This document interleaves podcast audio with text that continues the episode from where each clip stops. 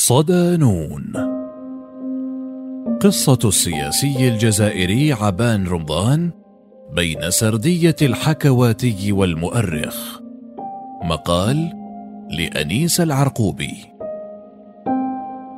إن الأمم التي عاشت نهضة سواء اقتصادية وثقافية وسياسية واجتماعية هي التي تصالحت مع إرثها وتعاملت مع تاريخها كمادة قابلة للتقييم والبحث والاستقراء. ومن ثم دخلت إلى مرحلة بناء دعامات أنظمتها الديمقراطية فيما لم تجسر باقي الأمم على ولوج مخازن الأرشيف وعجزت عن فتح ملفات الماضي.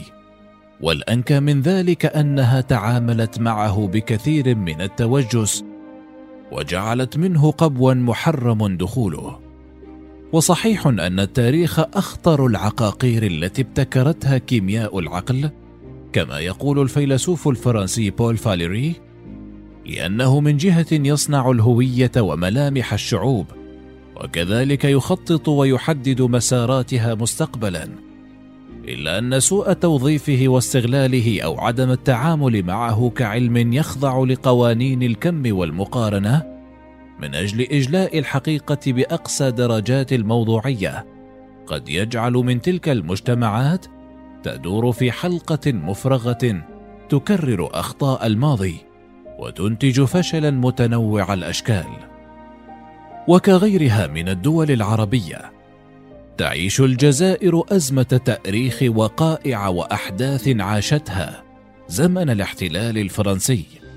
وهي أزمة متواصلة خلقت جدلا متجددا كلما ظهرت تصريحات أو مقالات تسلط الضوء على شخصية فاعلة في تلك الحقبة.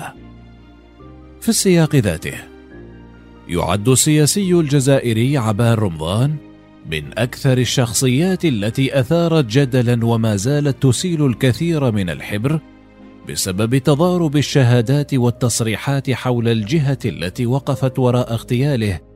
في ديسمبر كانون الأول عام 1957 بتطوان المغربية. إضافة إلى موقعه من النقاش والتاريخ حول الثورة الجزائرية وتحولاتها في الخمسينات من القرن الماضي. والجدل السياسي المتواصل بشأن مقاربة الديمقراطية التي قادها الرجل بسعيه إلى فصل العمل السياسي عن العسكري وتنظيم المهام والسلطات. بداياته. ولد عبان رمضان في قرية عزوزة ببلدية الأربعاء نايث إراثن التابعة لولاية تيزيويزو في العاشر من يونيو حزيران 1920 وهو قبائلي أمازيغي.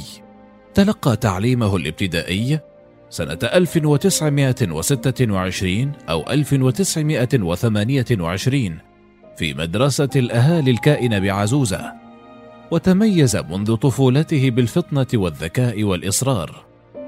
ثم التحق بثانوية البليدة بين 1933 و 1942 ونال شهادة البكالوريا ولكنه لم يواصل تعليمه الجامعي لضيق الحاجة وعمل سكرتيرا عاما لبلدية شلغوم العيد ثم جند في صفوف الجيش الفرنسي أثناء الحرب العالمية الثانية. الثورة والمعتقل مثل العديد من الجزائريين تأثر عبان بمجزرة الثامن من مايو أيار 1945 وإثر تسريحه من الجيش في 1946 تواصل مع حزب الشعب الجزائري. وعين كاتبا عاما لبلدية شاتودان دي غومال بشلغوم العيد. ثم رئيسا للولاية سنة 1948 في منطقة سطيف ثم وهران. وفي تلك الفترة انضم إلى المنظمة الخاصة وهي الجناح المسلح لحزب الشعب. وبعد اكتشاف المنظمة الخاصة في عام 1950 فككت سلطات الاحتلال الفرنسي أجهزتها واعتقلت قادتها وأعضاءها ومن بينهم بوضياف بن بلة عبان بن طوبال بوصوف.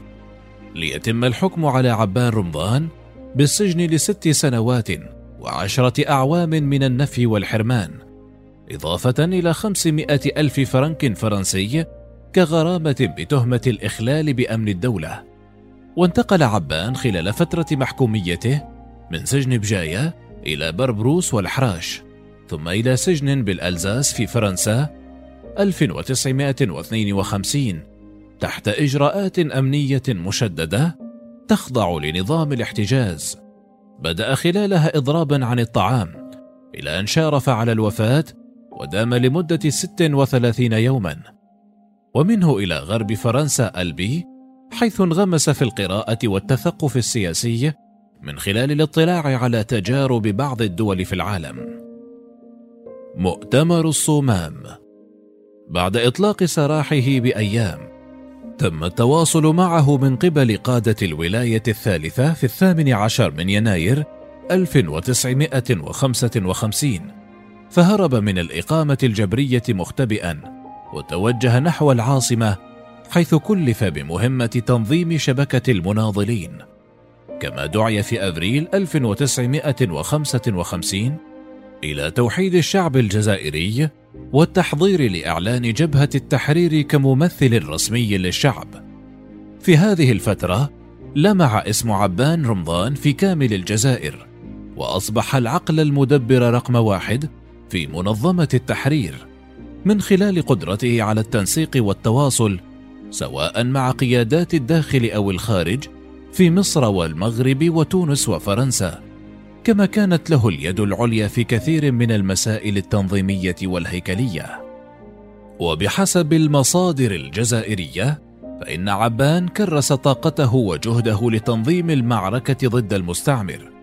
كما كان له فضل تجميع القوى السياسية الجزائرية في جبهة التحرير الوطني. لإعطاء ثورة أول نوفمبر حجمها الوطني الموحد لكل الصفوف. وكان عبان إضافة إلى العرب بمهيدي وياسف سعدي وراء قرار انطلاق معركة الجزائر العاصمة. فقد بدأ عبان في العمل على وضع الأسس لتكملة وتنقيح أهداف بيان نوفمبر 1954 وذلك بدعم من العرب بمهيدي لتنتهي بإشرافه على مؤتمر الصومام أغسطس آب عام 1956 في منطقة إيفري أزلاق بجاية مرحلة فارقة في تاريخ الثورة من خلال تنظيم العمل المسلح جيش التحرير وفق مؤسسات ومناطق توسيعه إضافة إلى العمل على تدويله كما تبنى عبان طرح أولوية الجانب السياسي على الجانب العسكري والداخلي على الخارجي. ومن أهم الإجراءات التي اتخذت عقب المؤتمر إقرار تعديل على نظام مجلس الولاية وتشكيله من مسؤول عسكري وآخر سياسي وثالث للاستعلامات والاتصالات تحت إشراف قائد الولاية. والأخير تم تجريده من اتخاذ قرار تعيين أو فصل نوابه وتم تعيين رمضان ضمن خمسة أعضاء يتولون الإدارة السياسية الوطنية لجنة التنسيق والتنفيذ وهي المسؤولة عن تنسيق الثورة وتنفيذ توجيهات المجلس الوطني. النشيد الوطني. يحسب لعبان رمضان أيضا فكرة النشيد الوطني عبر تكليف جبهة التحرير الوطني التي كان يرأسها للخضر رباحي باختيار شاعر لكتابة نص ثوري يواكب مسار الاستقلال ويكون شعارا للدولة الحديثة ويهدف أساسا لرفع منسوب الوطنية عند الجزائريين ويشحذ هممهم ويشعل حماسهم لمواجهة المستعمر الفرنسي. واشترط قيادات الجبهة ألا يحوي النشيد اسم أي شخص مهما كانت جهوده في مواجهة المحتل. ووقع الاختيار على الشاعر مفدي زكريا لكتابة الكلمات وتم الانتهاء منه في يوم أو يومين بحسب الروايات المختلفة. كما تشير المصادر إلى أن الشاعر الجزائري كتب كلمات النشيد الرسمي بدمائه التي سالت بفعل التعذيب الممنهج في السجن فكان من الطبيعي أن تخرج بهذا الحماس والتحريض الثوري. الاغتيالات والروايات. في مؤتمر القاهرة عام 1957 تم التراجع عن هذه القرارات بحذف الأولويات فاعتبر عبان رمضان ذلك إقصاء له. وفي ظل تطور الصراع داخل لجنة التنسيق والتنفيذ التابعة لجبهة التحرير الوطني واتساع الهوة بينه وبين النواة الصلبة للثورة الباءات الثلاثة وهم كريم بالقاسم وبن طوبال وبوصوف تم التخلص من عبان رمضان بعد استدراجه إلى المغرب الأقصى وذلك وفقا لأشهر رواية. ومن أشهر الروايات التي رافقت عملية اغتيال السياسي ومهندس الثورة الجزائرية يقول منصور بوداود في شهادته المقدمة بتاريخ الرابع من أبريل نيسان 15 وألفين في بيت مقراني إنه شاهد محمود الشريف رفقة شخص آخر في المغرب ورفض ذكر اسمه وأنه التقى كريم بالقاسم في بيته بعد اتصاله بودادية الجزائر لمعرفة الحقيقة. فقال له كريم بالقاسم إنه أعدم ولو يعود سأقتله بنفسي. الباحث بتاريخ الحركة الوطنية عمر لشموت إن الباءات الثلاث بالقاسم وبن طوبال وبوصوف كانوا وراء اغتيال عبان. دون أن يعرضوه على المحاكمة مثل ما كان معمولا به. بالعيد عبان في مؤلف حقائق دون طابو اغتيال عبان من وكيف ولماذا وماذا بعد. اغتيال عبان جاء بقرار من بوصوف وبمباركة كريم بالقاسم. أحسن خلاص. غلبة العسكري على السياسي وغلبة الخارج على الداخل وغلبة منطق القوة على قوة المنطق وغلبة منطق العصب على منطق المؤسسات. وفي الجانب الآخر روايات أخرى تنفي اغتياله من قبل الباءات الثلاث. وتتهم عبان رمضان بالخيانة والتبعية لفرنسا أو بسعيه للاستحواذ على السلطة والتخلص من خصومه. ومنها رابح بالعيد بن بلة على صواب فيما قاله عن عبان. ولا أستبعد ضلوع عبان في تصفية مصطفى بن بولعيد الصافي بوديسة. عبان باشر حملة اغتيالات ضد أصحاب التيار العربي الإسلامي. الرائد عثمان سعدي ما حدث في الصومام مؤامرة سياسية والمؤتمر جاء كنتيجة لمفاوضات سرية مع فرنسا. رواية العقيد علي كافي في مذكراته صفحة 157 أتذكر أنه جاءني عبان يطلب مساعدتي له.